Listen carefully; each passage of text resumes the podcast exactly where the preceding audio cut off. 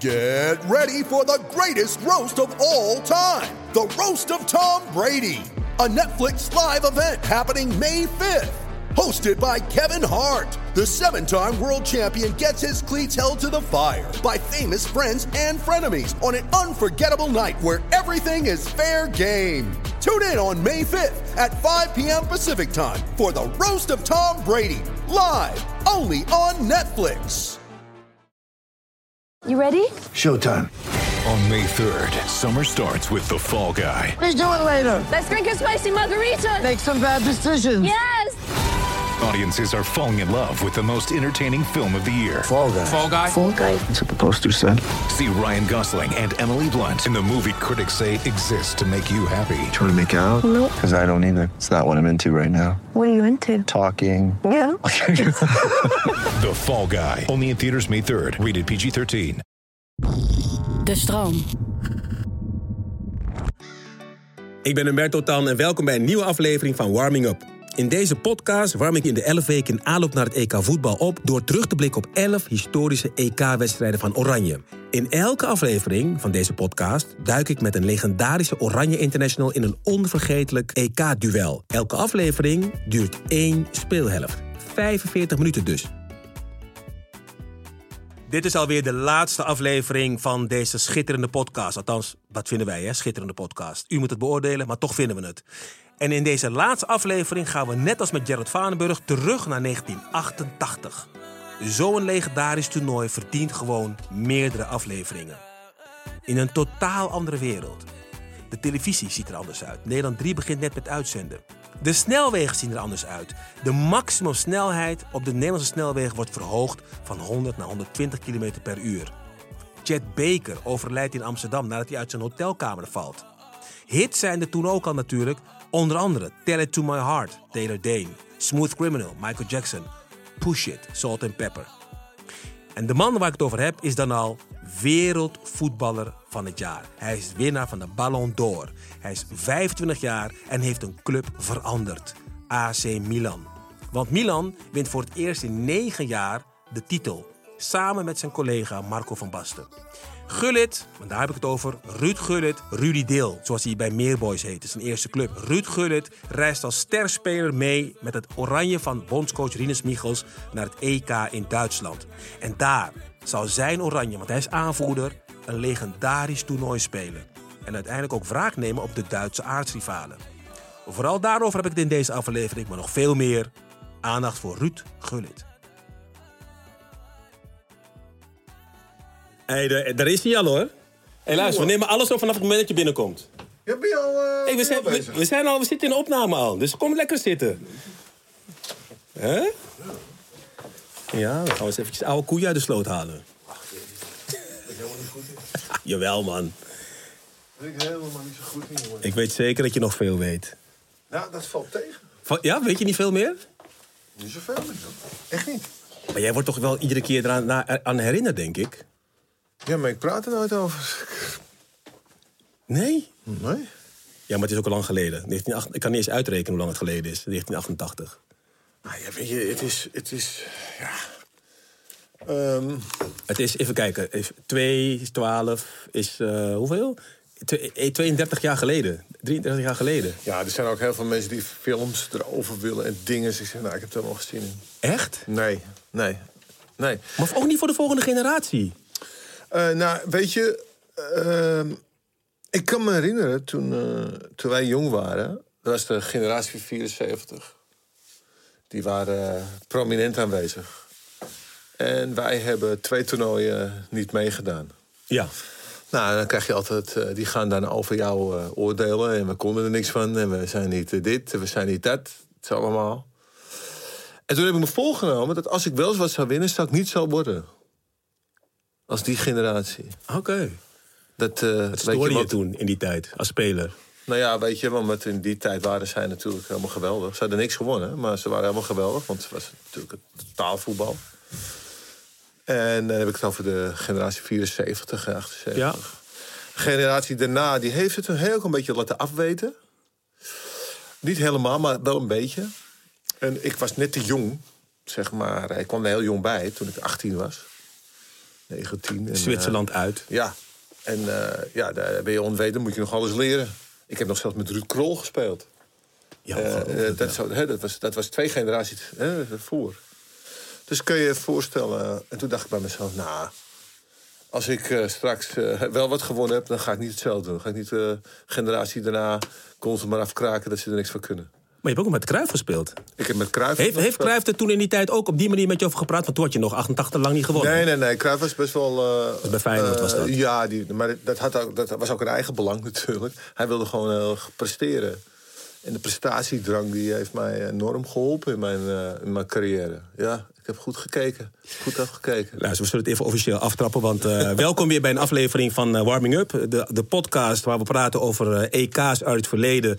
in aanloop naar het nieuwe EK natuurlijk. Ja. En met Ruud Gullit ga ik het hebben over 1988. En met name over Nederland-Duitsland. Maar eigenlijk gaan we het over veel meer hebben dan dat. Ehm, andere gebeurtenissen dat jaar. Is misschien wel goed om even te, te zeggen.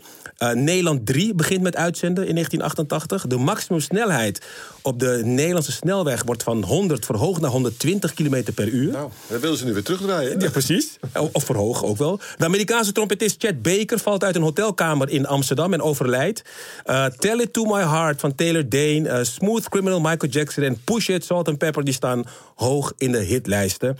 En Ruud Gullit die is echt werkelijk een ster in het internationale voetbal. voetbal. Ehm, ik denk, nee, ik weet nee, ik zeg het onzinnig. Ruud Gullit is gewoon een van de grootste Nederlandse sterren ooit. Een legend. Twee keer wereldvoetbal van het jaar, eerlijk Europees voetbal van het jaar, eh, Champions League gewonnen, Europees kampioen geworden, eh, landskampioen geworden, PSV, eh, Milan, nou, noem maar op, topscorerprijzen. Nou, werkelijk alles wat je maar kan verzinnen in het voetbal. heeft Gullit gewonnen of daar was hij bij aanwezig. Het was een icoon. Maar toch, Ruud, ik, ga je, ik wil beginnen met een vraag die niemand in de wereld je gaat stellen. Echt niemand. Omdat het niemand interesseert. Maar mij wel. Oké, vertel. Je allereerste club, Meerboys. Meerboys. Mijn ja. oude club namelijk. Ja, Daar ben ik ook begonnen. Was het jou? Nee. Ja, ja. Ik heb bij Amsterdam gevoetbald, getransfereerd naar Meerboys. Nee, de Meerboys bestaat niet eens meer. Nee, bestaat niet meer. En, en, en wij waren ook ver vooruit hè, bij Meerboys. Oh, waarom? Ik had een vrouwelijke trainer. Serieus? Mevrouw Tereus. Die ken ik nog. Ja, mevrouw Was Tereus. die trainer? Ja, die was mijn trainster. Ja, trainer eigenlijk, hè, moet je nu zeggen. Dus wij waren onze tijd ver vooruit. En eh, daarom, eh, als ze zeggen dat eh, vrouwen niks met voetbal te maken hebben... dat is onzin. Vrouwen kunnen echt ook over voetbal praten. En eh, die hebben ook wel ideeën over sport. Hoe kwam jij daar terecht bij Meerboys? Was een club voor, die, voor de mensen die het niet kennen. Meerboys was een club in de Watergasmeer in Amsterdam. Uh, met Ja, Machu was daar, DJK was daar, Ajax was daar in de buurt trouwens. Ja, Ajax, het, eh, de meer was natuurlijk... eh, Want ik, speel, vroeger speelde je alleen maar op zondag, hè, die, ook die kleintjes. En dan, eh, ja, de Ajax-stadion dat hoorde ik op de achtergrond. Als wij moesten spelen. En eh wij speelden nog, eh, eh, toen nog, gewoon op, op een heel veld, hè. Met die kleintjes. En dan hadden ze de goals hadden ze verlaagd. Of de palen verlaagd. Of de, de, de lat, sorry. Ja. De lat. Hadden ze, hingen ze een andere lat neer. Die was dan kleiner. Want het doel was net zo breed. Maar hij was niet zo hoog. En, eh, ja, dat, eh, en, en van die kleine leren harde knikkertjes. Een drietje was dat. Hè, maar waar je mee speelt is een vijfje. Ja. En waar je, waar je als kleintjes mee speelt is een drietje. Maar je kwam door je vader kwam je bij Meerboys. Mijn vader kwam, ja, Meerboys, ja. Maar hoe die daar terecht is gekomen, weet ik ook niet. Maar je hebt daar niet lang gezeten, een jaar of zo. Hoe lang heb je daar gezeten? Nee, nee, ik heb wel wat langer gezeten. Eh, ik denk van mijn achtste, misschien tot mijn twaalfde, denk ik, of zo. Want ik weet dat ik kwam. Want jij was toen al eh, profvoetballer. Ehm, ik kwam bij Meerboys. En dan gingen altijd verhalen over jou. Altijd over jou. Want toen was je nog geen grote voetballer, hè? Niet zoals je later zou worden. Maar zei ze altijd van... Oh, jongen, er was hier een speler. Rudy Niet Dil, ja, normaal, ja, die ja. gozer. Ik zeg, wat dan, wat dan? Nee, jongen. Bij, bij, in, bij Meerboys praten heel plat Amsterdams. Ja. Nou, die gozer, nou, die pakte de bal. Nou, daar kwam helemaal niemand meer aan. en dan ging hij van achter naar voren en hij scoorde. En dan ging Ja, hij weer dat terug. Deed hij nog een keer. Ja, dat klopt. Ja. Ik rende van eh, achter naar voren, ging ik gewoon overal doorheen. En dat merkte ik ook. Ehm, en dan had je ook bijvoorbeeld eh, had je, eh, met schieten met een muurtje. En dan had ik me voorgenomen, de eerste bal die ik schoot, die schoot zo hard mogelijk in die muur. Ja, dan moet je er maar niet in gaan staan. Gewoon een beetje pijn doen. Ja. En dan eh, die ouders, eh, dat is niet normaal. En die, ja, die ouders natuurlijk, tekeer gaan. Maar ja, eh, ik zeg, ja, hij gaat er toch in staan. Dan moet je er niet in gaan staan. Nou, op een gegeven moment ging hij er niet meer in staan. Ik gooi je gewoon erin. Ik hem erin, ja. ja, maar die, met die balletjes waren ook zo hard ook. Waren van leer. Maar keihard, joh. Maar eigenlijk, want ik begin ook over meer boys, maar ik het eigenlijk bizar vind dat jij onder de rook van Ajax, dus echt letterlijk, je hoort ze gewoon. Is, is wel vers water, is het vies? Oh, nee, nee, nee. nee. Ja, ja, is wel vers water. Nee, maar dat jij onder de rook van Ajax letterlijk, want dat was inderdaad zoals hij thuis speelde, dan kon je het gewoon horen. Hoorde je het stadion op zondag? Ja, Ja. ja klopt. Maar kwam er nooit iemand bij jou kijken in die tijd? Nee, nee, nee. Niet dat nee, jij weet. Nou. Nee, nee, niet dat ik weet. Ik, eh, ik weet wel dat ik eh, af en toe eh, probeerde binnen te glippen bij Ajax. Dat heb ik wel geprobeerd. Dat was lastig. Olympisch Stadion was beter. Daar kon je makkelijk binnenglippen. Had je een hele zak met centen. En als je dan bij die supposter was, dan geef je me... Hij dacht natuurlijk allemaal dat het dubbeltjes en kwartjes en guldens is. En dan kon je gewoon zo naar binnen. Allemaal centen. Want hij kon natuurlijk niet kijken. Hij moest slechts de hand omhoog houden. Boom, en dan was je binnen. Nou, dus dat vond ik wel heel leuk. Eh, nee, nee, nee, nee. Nooit, eh, nee, nooit bij mij geweest, nee. Toen, pas toen ik bij eh, DWS kwam, toen wel. Toen begonnen mensen te kijken, ja. Ja, dat was ook heel gek. Ik, eh, ik had een... eh, een eh, toen ik, ging verhuizen, want ik woonde in de Jordaan. En toen, woonde, ik, toen ging ik naar, naar Amsterdam-West verhuizen.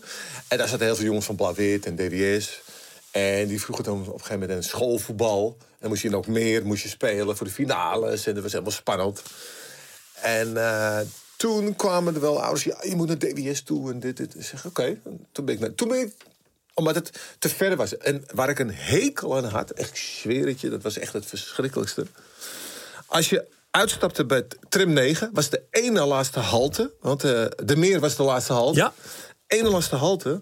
En bij, als je bij de halte, en als ik schuin naar de overkant, was ik bij, was ik bij Meerboys. Maar ik moest helemaal omlopen, om de ijsbaan heen. Ja, ik weet het nog. En dan naar de... Dat, duurde, dat lopen alleen, dat was 20 minuten, 25 Dat minuten. duurde zo lang. Ja. Terwijl, het, het veld was bijna bij de tramhalte. Dat ik dacht dat ze daar niet een loopbruggetje Maar hebben daar gemaakt. was op een gegeven moment wel een loopbruggetje. nou, hè? niet in mijn tijd. ik, ik heb wel een paar keer ben ik over die sloot Oh, heen gelopen. Ik had een hekel aan, jongen. Was het, was het koud of dat het regende? En dan moest ik daar naartoe. En dan dacht ik, oh man, ik had het zo... Dat, daar had ik eigenlijk de meeste hekel aan. Dat stuk lopen. Oké, kijk, daarna komt het allemaal goed met eh, je voetbalcarrière. Ik wil naar ehm, de periode kort voor 88. Ja. Je hebt al Haarlem gehad, fantastisch. Je hebt Feyenoord gehad, top. PSV, super. Eh, en dan word je zeg maar, in die periode word je verkocht aan eh, Milan. Vlak voor het EK. Het seizoen voor het EK. Seizoen, ja. Ja. Eh, recordbedrag 17 miljoen euro ongeveer. Duurste, Gulden. speler van de, duurste speler van de wereld. Gulden, hè? Gulden. Oh ja, gulden, ja. 17 miljoen gulden. Duurste speler van de. van Dat de is wereld. nu 5 miljoen? 7, nee, 6, 7 miljoen? 6, 7 miljoen, zeg maar, ja, ja. euro. Daar kreeg, daar kreeg je nog niet eens een, Nee. een reserveback voor. Nee, helemaal niks. Maar jij was, jij was het duurste van de... Ja.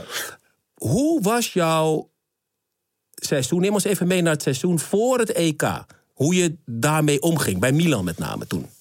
Nou, het was, eh, het was een, eh, een beetje... We waren daarvoor al kampioen geworden. En eh, Johan was natuurlijk trainer bij, eh, bij Ajax. Het, want het kon allemaal niet op. Ze zouden ons wel verslaan. Nou, dat ging natuurlijk niet. werden we toch kampioen. Want dat moest ik ook. Hè. Dat, dat had Johan mezelf geleerd. Als jij naar PSV gaat, als je weggaat van Feyenoord... zal je een hoop shit krijgen. Want niemand wil dat je weggaat. Je zal uitgescholden worden als je weggaat. Nou, dat is ook allemaal gebeurd. Maar dan moet je ook een kampioen worden weten. Nou, dat is gebeurd. Hij was toen, werd toen trainer bij Ajax. En ik ging eh, naar PSV. En, en ik moest kampioen worden. En ik begreep precies wat hij bedoelde. Want je kreeg een hoop shit over je heen. Dan is ineens een geldwolf. Oh, teksten weet je over je heen. Want je mag, nooit, je mag niet voor jezelf beslissen. Nee. Als je goed bent, hè. Zei hij ook altijd. Zei hij, ja, Ruud Geels, hele goede voetballer. Net niet helemaal top, maar wel een hele goede voetballer. Maar die kon overal naartoe. Die kon overal verkassen. Dat voorbeeld gaf hij aan mij. Hij zei, maar jij? Als jij straks hier weg wil... krijg je op shit. En dan ging hij vertellen. Omdat je te veel karakter hebt. nou, wat hij heeft meegemaakt. Dus hij zag iets in mij wat ik toen nog niet zag. En hij zei ook tegen me van... als je naar de volgende club gaat... dan zal je de anderen beter moeten laten voetballen. Begreep ik helemaal niet. Ik had al zoveel moeite met mezelf. Laat zeggen dat ik met een ander moest bemoeien. Maar op een gegeven moment ging ik dat doorkrijgen bij PSV. Nou, dat tweede jaar, toen, dat was ook weer spannend. Dan moesten we nog een keer kampioen worden. En eh, toen kreeg je strubbeling. Er waren eh, eh, Van Raai toen... De voorzitter. Onze voorzitter van PSV, die had toen al een Champions League in zijn hoofd. En Super League. Toen al. Toen al, ja, dat had hij toen al door. wilde hij doen een toernooi met Gothenburg, Real Madrid, Juventus en PSV. Had hij toen al in zijn hoofd.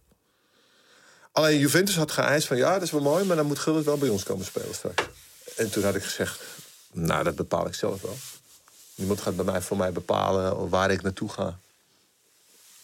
En voordat het, eh, het seizoen begon, had je het uh, kampertoernooi in Barcelona. Juan Kamper. Ja, was voor het seizoen begon. En dat deed eh, Milan er mee. Eh, ik dacht Tottenham naar Barcelona en PSV. En ik speelde als een koning. Ik speelde de laatste man hè, toen, hè. Ook nog, ja. Ik was verdediger. Maar ik... Speelde je laatste maar met 10? Met nummer 10? Ook nog? Ja, kan wel, ja. Ja, want je speelde altijd met nummer 10 bij PSV. Ja, ja. En ik speelde toen hetzelfde zoals ik bij Meerbos was begonnen. Echt serieus? Precies hetzelfde. Ik rende gewoon zo naar voren. Ik ging overal voorbij. Het publiek ging helemaal uit, uit zijn dak. Want elke keer als ik naar voren ging, wat gebeurde wat? We gingen, zijn hele publiek ging helemaal... En eh, dus ik had, eh, ik had het helemaal naar mijn zin. En ik eh, ben in het hotel en s'avonds wordt er geklopt aan de deur. Dat was toen Galliani samen met Breiden. Maar die, die spraken geen woord Engels. In het Ja, Italiaans. Milan, Milan, Milan. Ja, ja. You, Giocare, Milan. Dat was het gesprek. en een voetbalbeweging. Ik zeg, oké, ik, wat moet ik anders zeggen? Ja. Nee, zijn ze weer weggaan. Nou, en toen eh, kwamen natuurlijk wel geruchten over Milan. En eh, wij hebben ook nog een keer een gesprek gehad, volgens mij, na een interland. Wat ik niet mocht zeggen, maar ik kon heel slecht liegen. En ik was niet diplomatisch genoeg. Dus ik, ik had het anders moeten zeggen. Maar Ja. oké, ik ben jong, en je, je weet niet hoe je dat moet doen. Nou, iedereen had natuurlijk wel door dat ik er wel was geweest. En eh, Jij ging, jij ging blozen als je een beetje moest jokken. Een beetje. Je zag het aan je. ja, je zag het aan me. Ja. Dus op een gegeven moment. ehm eh, was er een bespreking en zo. En op een gegeven moment was er een heel grote stilte. Eigenlijk was ik ervan uitgegaan. Want PSV had ook gezegd: ja, wel, we verkopen je toch niet? Dus ik was er honderd, ik was er honderd van overtuigd dat ik bij PSV zou blijven. Had je daar vrede mee dat je zou blijven eigenlijk? Of was je Eh, toen al... Oké. Jawel, want ik kon, ja, als het niet gaat, gaat het niet. Dat liet ze me ook blijken dat, ik, dat het niet doorging. Ik had me gewoon al, bij, al lang bij neergelegd eigenlijk eh, dat ik bij PSV zou blijven. En toen kreeg ik ineens eh, een telefoontje dat ik naar het eh, kantoor moest komen van Philips. Denk, moet ik daar doen? Dus, en toen zat, kwam ik daar en toen zat Berlusconi daar. Dus ik denk dat Philips een goede deal heeft gesloten. Want eh eh weet het, Berlusconi had natuurlijk ook televisie, hè? Had hij had het een eh, kanaal 5, eh weet het, Philips maakte weet ik Philips maakte monitoren. Oh. Ja. Dus het was niet alleen maar die transfer. Volgens Het was- er veel meer achter dan alleen maar dat. Ah, Ja, het is een gro- veel groter ding dan die 17 miljoen gulden. Denk ik wel, ja. Ben, ja slapen doen we s'nachts. Het is niet zo dat als jij, als jij werd geïnterviewd bij een, bij een, bij een zender van Berlusconi... dat je zag Philips camera. Nee, maar ik, ik, ik, had wel, Ja. ik had wel zo een idee. Oh, Dat- dit heb je, ik nog nooit dat- gehoord. Dat, dat dat wel met elkaar te maken had. Oh, maar was jij meteen in voor een overgang naar Milan? Want Italië was wel het walhalla van nou, voetballers. Ik was al een keertje naar Italië geweest. Ik weet niet voor iets voor, voor, voor iets voor een, voor een eh, wedstrijd of zo. Ik weet niet meer wat voor het was. En ik had al een beetje ideeën over Italië. En toen dacht ik van, nou ja, dat is wel een mooi, een mooi land. En ik kwam, dat was in Rome trouwens, die wedstrijd. En Rome vond ik wel helemaal geweldig.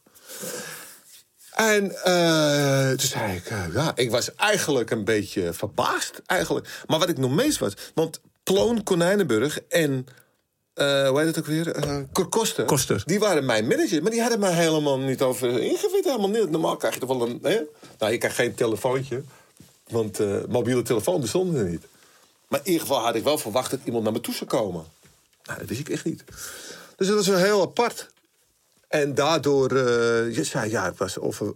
Ja, en ook omdat ik al eerder even naar, Rome was geweest, dacht ik van, nou, dit is wel geweldig. En ik vond het een grote eer. Nou, die transfer gaat door. Je gaat naar Milan. Ehm, PSV denkt, oh jezus, we zitten in zak en as. Maar die winnen vervolgens het jaar daarna de Europa Cup 1. Nee, nee, nee. Maar, dat was dat niet? Nee. Nou, van nee. buiten dacht men dat wel, hè? Van, oh jee, PSV. Nee, Harry, Harry, hey, Harry van Rij was, hey, is een slimme man, hè? Die is niet achterlijk, hè? Harry was echt een top, top, top voorzitter. Daar heb ik zelf veel gesprekken met, mee gehad met hem. Was echt heel leuk. En ik heb, Dat is echt eh, een van de beste eh, voorzitters die ik heb gehad. Hè? Berlusconi, en Hmm. dat is wel, dat, dan heb je het. En dat was een hele slimme. En die dacht al heel veel verder. Dus die had al een, een, een idee. En met dat geld wat hij van mij kon hij echt wel wat, goede dingen. Want we hadden al een goed team, hè? We waren al twee keer kampioen Zeker. Dus dat team was helemaal niet slecht, hè? Dus, en toen haalde hij ook nog goede spelers, hè? Met Lerby en met Kieft haalde hij die binnen. Nou, echt geweldige spelers. Dus het werd eigenlijk alleen maar beter. Ja, maar ik weet nog wel dat van de buitenkant Ja, dachten buitenkant. wij, Nee. dachten allemaal, ik, ik, doe, ik ben eventjes de buitenkant, dacht van, oh jee, PSV, verlies Gullit, wel veel geld, maar oké, hoe gaan ze dat dan doen? En Europa Cup 1 Nou. winnen was daar helemaal niet in de sterren geschreven. Daar was ik niet echt mee bezig. Nee, dat snap ik. nou, oké, we gaan wel. Jij maar was, jij ik, was, was, wel, ik was wel, weet je, ik had gewoon een hele goede verstandhouding met PSV. Ja. PSV, PSV is een geweldige club. Daar kan je echt als prof echt goed vertoeven. Daar kan je je echt goed Ah ontwikkelen. ja, en je hebt heel veel achtergelaten. Ik bedoel, Ja, ik heb heel veel geld achter. Ik heb, eh, in principe hebben ze heel veel geld aan me verdiend. Precies, ook. precies. En we hebben en eigenlijk. eh, eh, eh, ja, alles was eigenlijk goed. Het was gewoon het juiste moment en, en het juiste. Hè, dus Berlusconi komt niet zomaar. Nee. Hè, bij bij bij eh. Van Rij was natuurlijk. En, en je had ook mensen. Er zaten heel veel mensen in de, in de, op hoog eh, eh, niveau bij Philips. Die ook allemaal die Braziliaanse spelers later allemaal haalden en zo en toe. Dus er was al heel veel link al, al met buitenland, ook al bij Philips. En eh, ja, ik, en ik, ik weet nog wel dat eh, die supporters werd helemaal gek. En op een gegeven moment, wij moesten een kampioenswedstrijd spelen tegen Excelsior, maar bij VVV. Ik geloof dat Excelsior had een straf gekregen of zo. En we moesten bij VVV moesten we daar de kampioenswedstrijd spelen. Ja. Dat is ook zo gek. Toen scoorde jij nog. Ja. Maar het mooiste was, bij de warming-up, je, kan- je, je weet die trap en naar Ja. beneden en de warming-up zo. En de supporters van PSV. Wij krijgen jou wel. Want je zit heel dicht op de tribune ja, daar. Wij krijgen jou, als we hier te pakken krijgen, vuile verraaien en vuile kleren. Nou, ja, ze scholden echt van rood. Maar ik scoorde dus die goal. En toen kwam in één keer al het publiek het veld op. Heb je me zien rennen? Ik heb je zien rennen. Want toen dacht ik, ja, Maar- hier in deze massa weet ik niet welke gek mij eh, hier... Je was eerst nog rustig Ja. en ineens had je een sprint in. Ja, omdat ik me herinner wat ze toen zeiden. Oh. Dus ik maak die sprint. En ik was zo boven. Je was snel. Ja, ik was heel snel boven. Want ik wist natuurlijk niet van... eh, straks krijg ik eh, van iemand uit het, het niks krijg ik een... eh, En die trap is nog best wel eng daar in de koel. Ja, ja, maar met, eh, ik was, eh, was heel flexibel. Was Superman. Ik was echt sneller dan het geluid. Luister, dat seizoen in aanloop naar het EK 88 ga je naar Italië. Je gaat naar Milan. Milan heeft eigenlijk echt een slechte periode. Jij komt daar. Ik denk dat er maar weinig spelers zijn in de geschiedenis van het betaalde voetbal in Europa. Die zo'n impact hebben gehad. in hun eerste seizoen bij een club als jij bij Milan. Het was niet normaal. Nou, maar... Ja, heb ik ongelijk of niet? Nou, Het is zo. Wa- Wat het voor mij eh, eigenlijk, denk ik, de belangrijkste impact was... was hoe ik was, eigenlijk. Ik had geen angst voor niks. Ik had te veel zelfvertrouwen. Ik had ook een plaatje gemaakt. Ik dacht, nou, ik kan alles. ja. Ik dacht, een gitaar kon spelen. Ik dacht, alles. Dus ik had heel veel zelfvertrouwen. Maar je moet je voorstellen... Ik heb daar naderhand wel eens met de psycholoog van Milan gesproken. Bruno Di Michelis. Die is naderhand ook met eh, Ancelotti naar eh, Chelsea gegaan. En, en daar sprak ik hem al. En hij zei, Ruud... Wij wisten gewoon niet wat we hiermee aan moesten. En kijk, de Italianen zijn heel, eh, die zijn heel serieus. Weinig lachen, weinig dollen. Altijd maar serieus. Tenminste, die groep die waar ik mee In die was, tijd. was echt, die lachte bijna nooit. Die was echt bloedserieus. Maar ik zat aan tafel met, eh, voor de wedstrijd en ik zat. eh,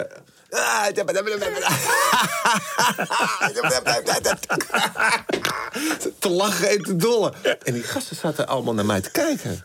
Hij zei, wat is dit nou? Nou, naar de trainer kijken, je kent het wel. Ja. Naar de trainer kijken, hoe hij reageerde. Naar Saki naar mij kijken, maar ik bleef gewoon praten en doen. Ik ben al druk. Dus, dus nog drukker en lachen en ga.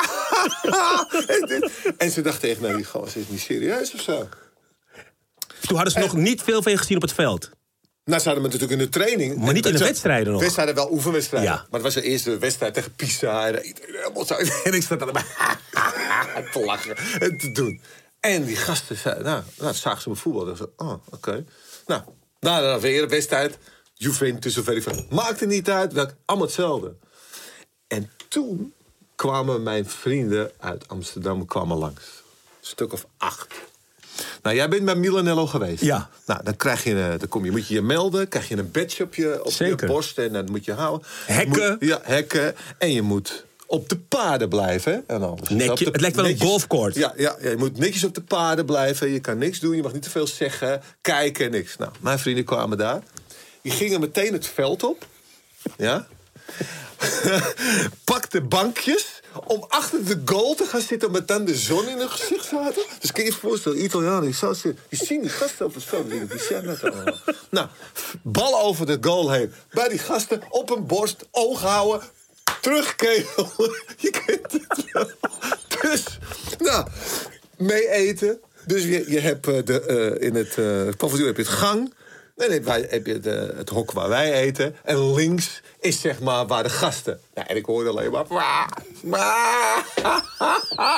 en wa- brullen. Dus al die Italianen. Kijk, wat is dat? Nou, uitgegeten. Had je het barretje toch? Ja.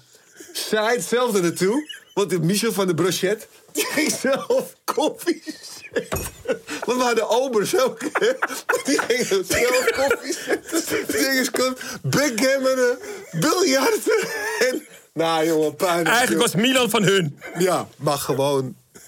Maar gewoon zoals het zou- zou zijn. Weet je, een beetje lawaai, een beetje lachen, gewoon. En, en die gasten wisten gewoon niet wat ze daarmee aan moesten. En die Bruno die zei tegen mij, hij zegt, we hebben gezeten. Dat we dachten, oh, en nu? En toen zei hij tegen me, toen hebben we vergaderd, hebben ze gezegd van, weet je wat? Misschien moeten we dit wel laten gaan. Misschien zijn wij wel veel te serieus. Want ze hadden mij natuurlijk gezien dat ondanks het feit dat ik lol had, dat ik wel kon presteren. Ja, het was aan de ene kant lol hebben, maar Ja, wel, maar wel presteren. voetballen. Als ik voetbalde, dan was ik bloedserieus en dan gaf ik gas. En zij zagen dat. En, en, en, en dat was voor Italianen in het begin was heel gek. En op een gegeven moment eh, zaten ze daar. Eh, en, en toen dacht ik bij mezelf, van, nou, hoe moeten we dat nou doen? Zeiden ze. En toen zeiden ze, nou, misschien moeten we dit laten gaan. Wij moeten misschien iets minder serieus zijn. En dus wat ik leerde, een beetje meer serieus te zijn. En zij leerden ook een beetje Het was dus een ideale mix eigenlijk. Het was een ideale mix. Maar zij begrepen het niet. Want ik kon alles zeggen. Ik had een keertje... Ja, vertel. eh, eh, nou, dit is echt... eh, Dit, is, eh, dit was echt een grap. Nou, die Saki die kwam altijd onder de douche altijd. Altijd lachen, kijken en bloep. Ah, die heeft zo grote, die heeft dat en die heeft zo. Je kent het wel, hoor. Ja. Mannentaal. Ja, zeker. Dus op een gegeven moment... Ik sprak nog niet goed Italiaans, hè. En ik werd helemaal gek van die man. Elke keer bij bij die douche al helemaal lachen, dit en weet ik veel. Allemaal opmerkingen gemaakt. Dus ik zeg eh, in het Italiaans... Ik zeg, nou, er is een man in Nederland... die heeft een apparaat van twee meter. En die kan er helemaal niks mee. kan er alleen maar mee plassen, hij kan helemaal niks. Maar die gasten met mij al onder die douche... Donadoni, Ancelotti en eh, Maldini en weet ik veel wie er stond. stond. Massaro. Onder die dus. En die kijken mij al aan. Wat zeg jij nou tegen die trainer? Maar in een gebroken Ja. eh, Italiaans. Ik zeg, die heeft een, apparaat van twee meter. Hij kan er helemaal niks mee. Doodongelukkig. Dus hij zegt, eh, ga naar de dokter. Nou, die dokter zei, nou, ik kan hier niks aan mee doen. Maar ga maar naar een vriend van mij, die is plastisch chirurg. Ik zei, nou, oké, is goed. Ga naar die plastisch chirurg. Hij zegt, nou, rol hem maar uit. Hij rolt hem uit zo. op het stretcher. Hij zegt, nou, dat is wel een apparaat. Zegt, maar ja. Ik ga even voelen. Hij zegt, nou... Hij zegt, ik denk dat ik er ongeveer 1,75 van af kan halen. En dan maak ik een operatie. Weet je zo. En dan hoop ik dat het lukt. In Italiaans tegen Saki. Tegen ja. Saki, oké. Met Saki en die Ja. gasten. Onder de douche. Ja. Nou, en eh, hij zegt... eh, en die man, eh, die, die doet die operatie. Die doet hem helemaal netjes in het verband. Na twee maanden komt hij terug. Hij zegt, nou haalt het verband eraf. En alles. Hij zegt, nou, het ziet er helemaal top uit. Hechtingen zijn allemaal goed geheeld. Hij zegt, ga het maar uitproberen. Dus hij gaat naar de, naar de red light zone. En naar de wallen. Ja. En hij probeert het uit naar hij. De man is gelukkig. Niet normaal. Hij gaat de keer, hele dag de keer gegaan. Hele leven niks kunnen doen. Volgende dag gaat hij terug naar die chirurg. Met een fles champagne. Hij zegt, ja, dit moeten we vieren. Hij zegt, ik ben de gelukkigste man van de wereld gemaakt. Dus die drinken die champagne op. Maar hij is een beetje lam op een gegeven moment. Hij zegt... eh, Meneer de chirurg, nu moet u me nou eens even vertellen. Hij zegt, je hebt er 1,75 van afgehaald. Wat doe je daar nou mee? Hij zegt, nou, dat is heel eenvoudig. Doe mijn pruikje op. En hij is nu trainer van Milan.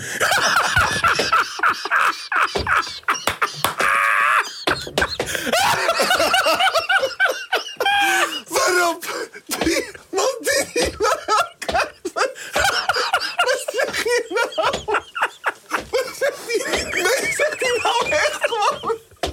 Nou, spelen. En Zakker kijkt zo. Hij zegt, no respect. No respect. Maar hij is nooit meer, nooit meer onder disco. Nooit meer, nooit meer geweest.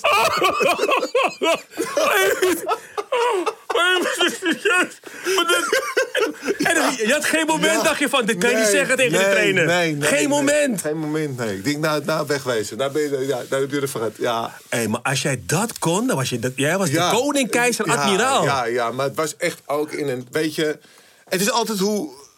Het is sound that makes the music. Het gaat erom hoe je het zegt en hoe je het doet. Ah, die gasten keken mij aan, joh. Je kan het. Maar was er En- niemand op de training die bijvoorbeeld dacht van... Hé, die Ruud Gullit, ik ga hem helemaal onderuit schoppen Nee, gewoon. waarom? Want ik was. Ik was ik, Dat, dat ik was in vocht- Nederland een beetje, toch? Nee, maar ik vocht voor het elftal. Dat zagen zij. Ik, Ja. ik, pressing. Het ding is, ik vocht voor het elftal. En ook voor Saki, die wist dat ook. Ik vocht echt. Ik was echt... Ik deed niet alleen maar omdat ik eh, wilde scoren of wilde doen. Nee, ik, ik vocht gewoon voor het elftal. Pressing, bal afpakken, ballen bij me houden, afgeven. Ja, dat was, dat was gewoon geweldig. En het was een zwaar seizoen, hè? Want Marco was er niet bij. Hè? Ja. Die was geblesseerd. Zeker in het begin niet, nee. En toen Marco later, eh, het einde van het seizoen, kwam hij er weer erbij. Dan kwam hij weer een beetje in zijn ritme. En toen, en, en daarna, dat jaar daarna, toen Frank erbij kwam, nou, toen was het helemaal hek van de Gouden trio. Maar toen, het eerste zeg maar, half jaar was je alleen. Marco kwam later in het seizoen kwam je Ja, hij erbij. heeft de eerste drie, vier wedstrijden gespeeld. En toen raakte hij geblesseerd. Precies. Ja, ik geloof tegen Fiorentina of zo. En toen verloren we ook, geloof ik, met 1-0 of zo. Ja, maar je, hebt, je, hebt- je draait een topseizoen. Met die finales tegen Napels, met Maradona. Ja. Jullie worden kampioen, doen ze nog een verhaal was apart. kapot. Ja, je was kapot, hè, voordat je naar het EK ging. Ik was kapot. Maar fysiek of ook mentaal? Allebei. Vooral het mentale. Kijk, wa- wat het is, als je begint aan een seizoen, dan begin je je, je toe te leven naar een bepaalde prestatie. Je wilt het hoogste bereiken. Wij dachten ook niet dat we kampioen zouden worden het eerste jaar. Maar op een gegeven moment, als dat binnen bereik komt, dan wordt de spanning steeds groter. Hè? En die spanning wordt steeds, kom je naar de climax. Tot die wedstrijd van Napels. En daarna hadden we ook nog Juventus. Dus we moesten aan de bak. En op het moment dat dat naar die climax toe, dat dat gebeurt... Dan, Komt alle vermoeidheid los. ja, dan switch je of. Dan gaat je me- mentaal gaat, je, gaat er een knop om van het is bereikt. En dan ga je... Ja, het is net alsof, je de lucht uit een band haalt. En dan... Ah, god zo. En dan denk je... Oh, er komt nog een EK aan. Ja. en dan in één keer... Ja, je, je Dan moet je omschakelen. Hoeveel tijd had je tussen laatste wedstrijd Serie A en... weet je dat ongeveer? Volgens mij gingen we meteen... Jullie gingen meteen door. Ja. En eh, natuurlijk ging ik er met een heel lekker gevoel in. Alleen mijn lichaam wilde niet meewerken. ik was gewoon moe. En ik moest veel slapen. En ik heb daar heel veel over gehad met de medische staf. En ook en met, met Michels ook. Wat zei Michels? Nou, Michels zit- ja, ja, was, was, was natuurlijk voor hem vervelend. En, eh, maar ik kon, ik, kon, ik kon zeg maar, denk ik, 75% brengen van wat ik normaal bracht. Die, vijf, die andere 25 kon ik niet brengen. Je had een rugzak op je rug. Ik had het echt heel moeilijk. En eh, toen wij ook eh, de eerste wedstrijd eh, verloren... Dacht, da- weet je, was ik echt zo van... Oh, jezus. En eigenlijk speelden we heel goed. We speelden helemaal niet zo slecht. Alleen ja, een counter en dan lag erin. Eh, en dat was teleurstelling. En, en toen, ja, toen kwam Marco erbij. Wedstrijd tegen Engeland. En ik had al een, eh, een klik met Marco. Want daarvoor al, hè, toen wij eh, hè, toen al met Rijvers, toen we mochten debuteren. Ik had altijd een klik met hem. Ehm, ja, ik gaf alle Marco Marco. En Marco schoot zich gewoon in. Daar hebben we een eh, geluidsfragment van. Dit is de 1-0 tegen Engeland. Jij scoorde niet, Marco scoort. Ja. Maar je hebt wel de assist. Prima van eh Rijkaard die een overtreding begaat volgens En dan gaat Gullit aan de linkerkant vandoor. Laat het zien, Ruud. Daar gaat hij. Komt die bal met de buitenkant van de voet. Komt er Van Basten, Van Basten. Draait het. Daar gaat hij. Ja! Ik krijg toch wel kippenvel? Ja? Ja, ik krijg toch wel kippenvel? Ja. ja Marco, ja. Die draaide die knieschijf van eh, Tony Adams helemaal, eh, helemaal weg. Ja, ja, ja. Ja, geweldig. Maar die bal die jij geeft hè, aan de linkerkant, buitenkant. Ja, je buitenkant. plaatst hem. Ja, maar ik, kijk, ik had een klik met Marco. Kijk, en dat, dat, dat zei ik ook altijd later, altijd tegen heel veel mensen. En die begrepen het maar niet. Ja, ja, ja, hoezo kan je... Dan zei ik van, kijk, als ik op goal schoot, dan kon hij erin. Maar als Marco op goal schoot, dan ging hij erin. Dus dan gaf ik hem liever aan Marco. En Marco was geniaal erin. En Marco was ook een echte spits. Als hij niet gescoord had, was hij zagrijnig. Had ik niks aan hem. Maar Ma- Marco was natuurlijk veel meer dan alleen maar spits. Hij kon ook heel goed voetballen. Maar als Marco lekker in zijn vel zit... Ja, dan ga je nog beter. Maar het is grappig om te zien, hè? Want als we, ik denk dat als, we, als je het EK nu zou spelen... want jij zegt net, je speelde 75% ongeveer, je was moe. Ja. En zo werd het ook een beetje beoordeeld. Ja, Ruud is niet in optima forma. Nee. Maar hey, dan heb je die wedstrijd tegen Engeland. Gewoon tweede assist, hoor. Blijft de bal hangen. Komt hij op de voeten van Jan Wouters met een schot van Wouters. Maar dan komt hij toevallig bij Gunnen terecht. Gunnen terecht. Van Basten, Van Basten moet gooien. Van. Ja. Ja, twee, ja. Ja, ik kon alles aan Marco. Ik had een klik met hem. Ja, maar toch, die, die- twee assists waren een beetje... Tuurlijk, het gaat om Van Basten op dat moment... omdat hij de eerste wedstrijd op de bank zat. En eh, hij, er, hij erin komt en hij maakt meteen een hat tegen Engeland. Nee, En- maar ik was, wel, ik was wel ook wel functioneel, weet je, in wedstrijden. Ik, was, ik, ik wist wel eh, eh, bepaalde dingen wat ik moest en wat ik kon doen. Hè, En het duurde vrij lang, vond ik, het in het toernooi... voordat ik eigenlijk een beetje op krachten begon te komen. Dat was eigenlijk in de finale. Finale, ja. En, en ik weet nog heel goed dat eh Michel zei op een gegeven moment, eh, toen we de finale moesten spelen, zei hij, want ik mocht de vrije trappen niet meer nemen. Want ik schoot ze er ook bij Milan schoot ik ze erin. Want ja, dus het eh, was 75. Zat pap in je benen. ja, ja, ik kwam net over de muur heen. dus, Ook geen corners, kwam je tot de helft. nee, toen zei hij tegen me van, nou, nu mag jij de vrije trappen nemen. En toevallig, dat uit die vrije trap komt die corner. Hè, want ik schoot ik nog wel goed in ook. En dan kwam die corner uit en dan kwam die goal uit. Dus, eh, eh, dus uiteindelijk was het, zeg maar, allemaal net genoeg, zeg maar, om, om toch te kunnen presteren. En voor mij was het geweldig dat Marco, hè, want die had natuurlijk de hele jaar eh, niet gespeeld. Die, eh, die was fris en fruitig, hè? Maar laten we eerst naar jouw goal gaan luisteren. Het was een kopbal, maar het was eigenlijk een schot. Van Basten niet buitenspel. Gullit, doe het. 1-0. Ja, ja, ja, ja, ja. ja. En wat ik dan opmerkelijk vind, want dan, dan heb je een soort van eh, die hoekschoppen. ontlading. Hè?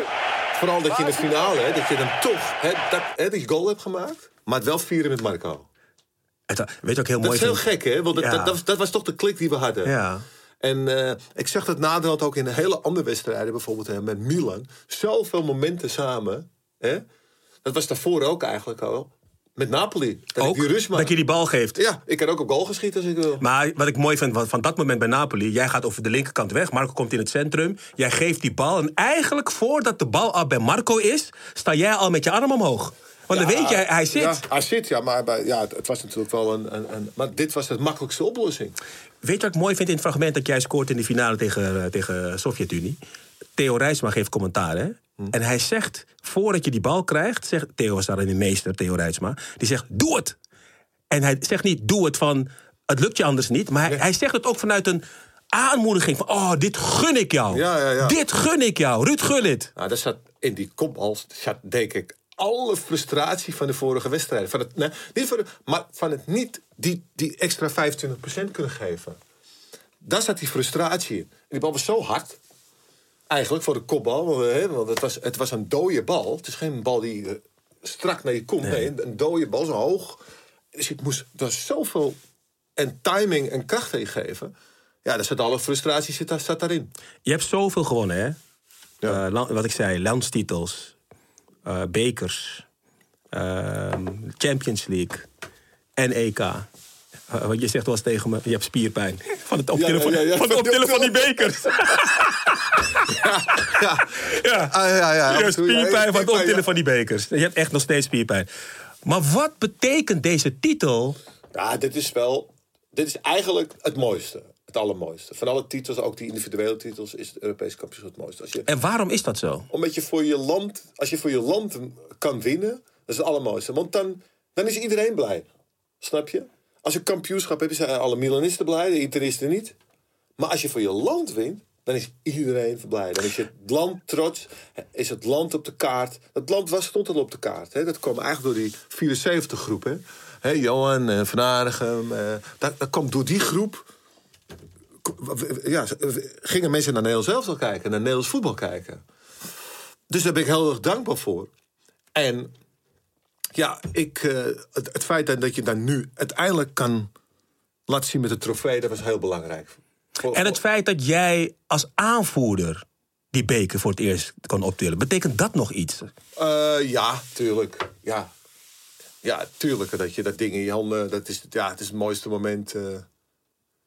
Ja, je, en je leeft ook, in, je, je zit in een soort kokon. eh, je- En, en je, je kijkt om je heen, maar het is heel onwerkelijk allemaal. Het is een heel gekke gewaarwording. En je, je zit zo in een euforie.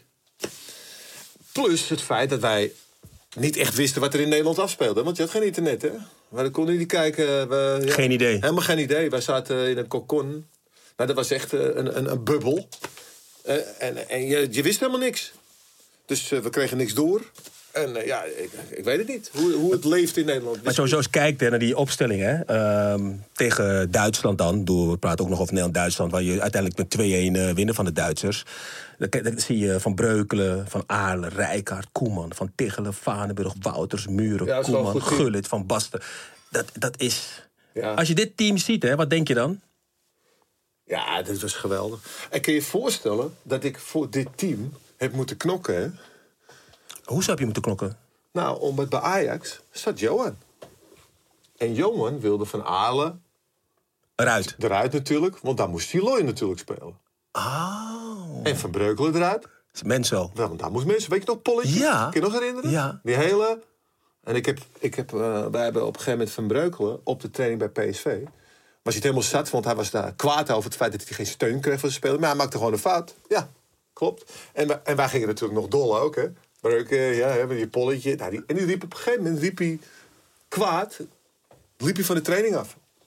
Ik zal het even uitleggen. Van Breukelen speelt in de wedstrijd Tegen tegen, Feyenoord. Feyenoord. Hij stuitert de bal. Toen mocht je de bal nog in je handen houden. Hij stuitert de bal, maar hij pakt hem op wanneer je hem niet meer mocht oppakken. Nou, hij kwam op een Polletje. Je mag Ja. wel stuiteren. Je mag stuiteren. Maar als hij eenmaal op de grond... Mag je niet nog een keer oppakken? Dus, nee, dat mocht hij niet. En dat deed hij. Dat deed hij, maar er, was een reflex.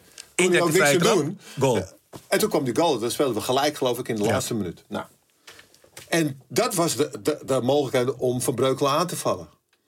En dat gebeurde ook vanuit Amsterdam. En ik zat bij het Nederlands elftal. En ik hield die gasten allemaal in de gaten altijd. En dan zei ik, één ding. Als er maar iets gebeurt... Want ik speelde kaart met die jongens. Ook van Ajax, ik kwam er natuurlijk uit Amsterdam. Maar als er één iets gaat gebeuren, krijg je met mij te doen. Daar, daar waakte ik voor. Dat ze niks konden flikken. Maar vanuit Amsterdam was natuurlijk al... De propaganda was al los, hè? Dus ik was naar Van Breukelen, naar zijn huis gegaan. Want hij wilde ermee stoppen. Ik zeg... eh, ik zeg, nou... Ik zeg, Johan zit al te wachten, hè? Zij willen al eh, mensen erin hebben. Dat weet je. Dus dan kan je nu opgeven. Of je kunt morgen terugkomen, gewoon weer helemaal vers. Ik zeg, want jij bent onze beste keeper van het Nederlands elftal. Dus dan mag je nu kiezen. Nou, volgende dag was hij er, hoor. Hij kwam. Hij kwam. Maar dat- rode jouw rol is dus, dus heel belangrijk geweest. Liet Michels jou dat, die rol ook pakken gewoon? Liet Michels jou die rol ook gewoon pakken? Ja, de- ja. Ja. Want die wist dat dat allemaal speelt vanuit Amsterdam. ja, die wist het natuurlijk wel. Maar hij was zelf ook Amsterdammer. Ja. Maar je moet met goede argumenten komen. En dat liet ik echt niet toe. Eigenlijk, Dus eigenlijk was dat ook de redding eigenlijk van Nederlands elftal. Dat we dat deden. Want die mix van PSV en Ajax was gewoon geweldig.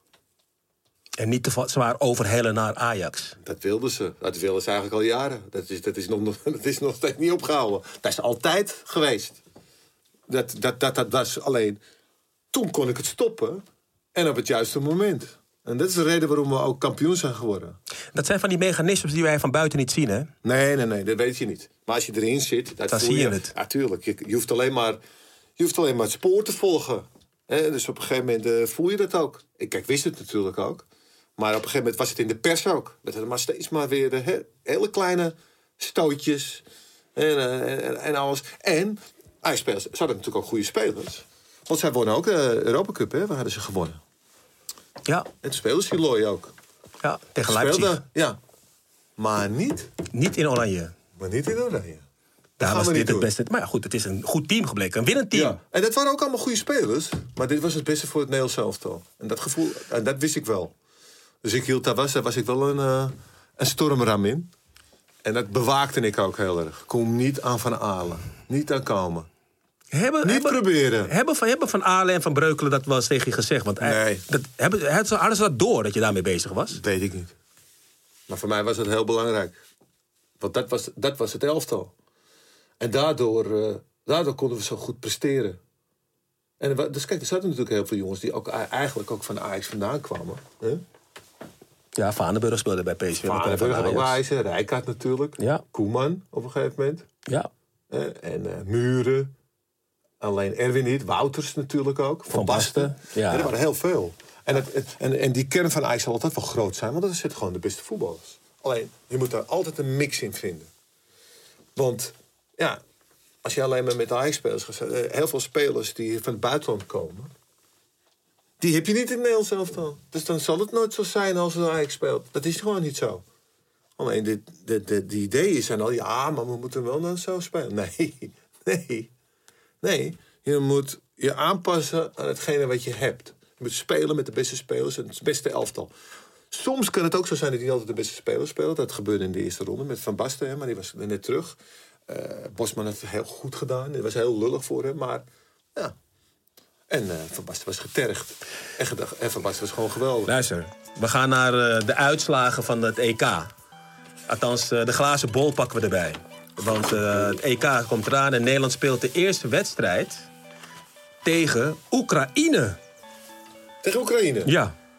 Wat denk je? Oeh, nou, ik weet, ik weet je wat ik. Weet je, Ja, ik weet het. Het, is de, het wordt echt een moe- vermoeiend toernooi. Ik kan me niet voorstellen dat je gaat. eh, ik zeg eh 1-1, 1-1. denk ik, ja. De tweede Zelfs wedstrijd goal, maar ja, is tegen Oostenrijk.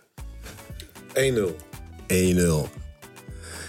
En de derde wedstrijd, pak ik ook eens, Noord-Macedonië. Ah, dat wordt wel 3-0. 3-0. En dan de laatste voorspelling. Wie wordt dan Europees kampioen 2021? Mijn wens is natuurlijk dat, eh, dat Nederland het wordt. Dat snap ik. Dat is mijn wens. Maar wat wordt het? Poeh. Weet je wat gek is? Ik heb eh, eh, het laatste WK had ik het goed vanaf het begin. Frankrijk. Voor het toernooi. Weet je, ik heb geen idee. Geen gevoel nog. Oké, ik ga. Oké, het komt nu uit mijn koken. Ja? Italië. Italië.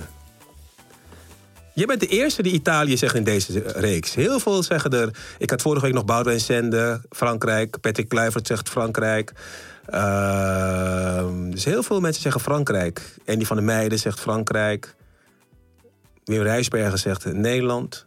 Dus maar, je hebt wel een paar. eh, Italië met de eerste. Ja. Die spelen echt heel goed, hè? Ja, spelen goed voetballen. Ja, die spelen wel goed. Die ja. spelen echt goed voetbal. En dat, dat kan een, een, een outsider zijn. Waar niemand van verwacht.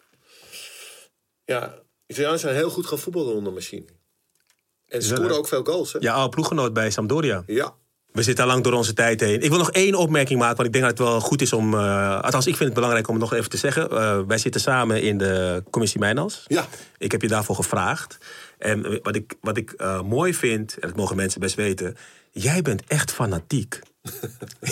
jij, jij bent echt fanatiek. Hoe komt het dat je dit eh, zo belangrijk vindt? En even voor de eh, luisteraars... de commissie Mijnals is door de KNVB in het leven geroepen om te vechten voor meer inclusiviteit en om discriminatie en racisme uiteindelijk te bestrijden. Daar gaat het over, in het kort gezegd, in het Ja. voetbal. Ja. En met name bij de KNVB zelf. En eh Ruud Gullit zit daarin, ik zit daar ook in. En nog een aantal andere mensen zitten daarin. En Daphne Koster en Marjan Olvers en Jeroen Schipper en Robert Geerlings eh, en Jacinta Lewis eh, en uh, Ahmed Marcouch, dat zijn ze allemaal. Maar jij bent echt fanatiek. Hoe komt dat? Nou, omdat ik, ik heb toch altijd wel voor, een gevoel van onrechtvaardigheid. Als ik het, als ik het merk, dan, dan word ik, eh, ja, dan word ik wel fanatiek. Zoals ik net ook zei, hè, van Nederland zelf dat ze die Ja. dat ze mensen erin wilden hebben en Siloy. En als ik dat onrechtvaardigheid in ziet en een bepaald patroon, dan word ik heel fanatiek. Eh, maar ook om dingen te beschermen. Hè? En niet uit eigen belang.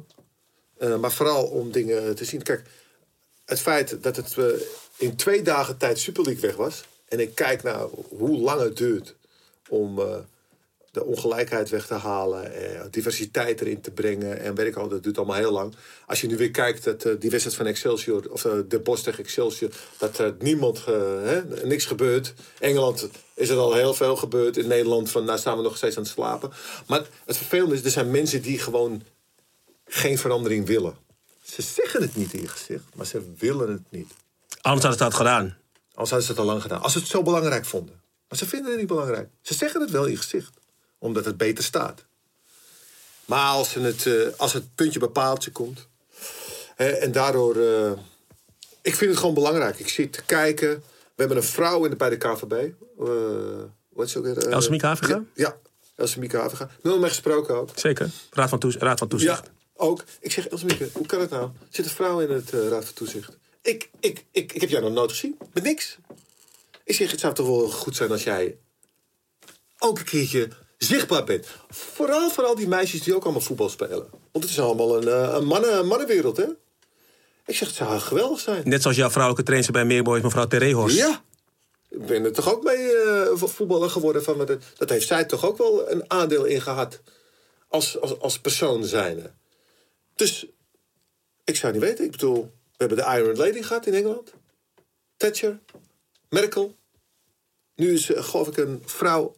Nieuw-Zeeland, volgens mij? Ja. Gaat goed in Nieuw-Zeeland, hè? Ja. Gaat geweldig. Ja. maar het gaat erom... Niet omdat ik alleen maar omdat ik een vrouw speciaal ben... maar om andere inzichten te krijgen. Een andere manier van denken te krijgen. Nou, dat zou ik wel, eh, dat zou ik wel leuk vinden. Daar, en dat is natuurlijk ook eh, met eh, blank en zwart heel erg. En, ehm, en, en, vooral omdat ik... Ik zit op die scheidingslijn. Hè? Eh, Mijn moeder is wit, is blank. Mijn vader is zwart. Dus ik kan allebei de culturen kan ik begrijpen. Kan het zien. En, eh, en dat zie je bijvoorbeeld bij mijn zoon ook. Mijn zoon is heel blank. Maar die, die, die voelt zich wel zwart. Je hebt een, eh, een, een, golfspeler in Amerika, Champ. Die jongen die is, eh, is heel wit, maar hij heeft een zwarte vader. Maar hij voelt zich zwart. Daar komt hij ook vooruit. Omdat hij die cultuur kent. Dat is natuurlijk heel eh, lastig. Hè, omdat mensen hem toch wel anders benaderen. Op een of andere manier. Dan zijn vader deed. En daar wordt hij boos om. Dat hij, hij, krijgt, hij krijgt meer Dat, zag, privileges. dat ziet hij. Dat ziet hij. En dat is zo frustrerend. Dat je vader zich zo moet knokken. En jij krijgt gewoon alle dingen heel makkelijk. En als je het over begint, vinden mensen... ach, dan heb je er weer eentje. Heb je weer zo. Dan, dan krijg je die verhalen allemaal. Ik zie ze, hè? Allemaal wegkijken. De oren van de mensen gaan dicht. Ja, ja, ze vinden het vervelend. Ja. En eh, ja, omdat ze het gewoon niet willen opgeven. Ze vinden die, die positie. Maar het gaat er helemaal niet om. En eh, kijk, wat ze ermee bereiken is meer gefrustreerde mensen. En als je meer gefrustreerde mensen hebt, ga je ook meer ongelukken krijgen. Hoe meer ongelukken je krijgt, ga niet blij mee zijn. Laten we hopen dat we het een goede richting kunnen geven. En blijf vooral zo, eh, zo fanatiek. We zitten volgens mij nu al ver in blessuretijd, Ruud. Ja, ja, ja. moeten- en, we moeten- moeten, en wij moeten wat fanatieker geworden. Wij als commissie Mijnals. Commissie Mijnland, ja, is klaar nu. Dat is we, goed. Hebben, we hebben heel rustig op de achtergrond gezeten. Zeker. Dat is klaar nu. Daar zijn we nu weer klaar. Ja. We En gaan nu nu gewoon- wat meer op de voorgrond. We gaan nu ook een beetje laten zien. En, want er zijn heel veel mensen die, die op ons rekenen. Hè? Echt heel veel. Ja, en er zijn heel genoeg voorbeelden. En het gaat erom dat mensen kansen krijgen. En als mensen kansen krijgen, dan kan je ze beoordelen. Jij hebt een goed voorbeeld gegeven, volgens mij. Philharmonisch Orkest? Ja. Ja? Was altijd, de eerste violist was altijd een man, hè? Toen hebben ze een blind edition gedaan. ja, het was anders ineens. En toen hoorden ze iemand zeggen, zei, nou, die wordt het. En het was een vrouw. Kijk. En daar gaat het om. Ook in de solliciteren. Blind edition. Alleen maar iemand op zijn kwaliteiten. En, dat is het, en, waar ik me het meest boos om word... zijn die mensen, dat als je zegt van... ja, je moet meer diversiteit... beginnen ze altijd over... ja, maar het moet wel kwaliteit zijn. Dat zijn de mensen die dat niet willen.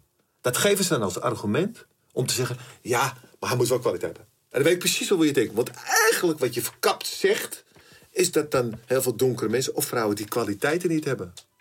Hmm, Abu Talib zei het al heel goed een keer in Rotterdam. Er was een post vrijgekomen. Hij zei, ik wil dan een vrouw hebben. Waarop ze, al die medewerkers zeiden... ja, ja, maar die kunnen wij niet vinden. Oh. Nou, weet je wat we doen? We laten die post net zo lang open... totdat we een vrouw gevonden hebben. Nou, in een maand tijd hadden ze er. Dus het kan. Als je maar wil. Zie je? Jullie hebben een inkijk gekregen in eh, hoe fanatiek eh Ruud is. Eh dankjewel. En we gaan elkaar nog heel veel blijven zien. Is goed. En op naar het EK. En ehm, het is mooi dat je nog zoveel spierpijn hebt. Ja, ja, ja, ja, heb ik nog zeker.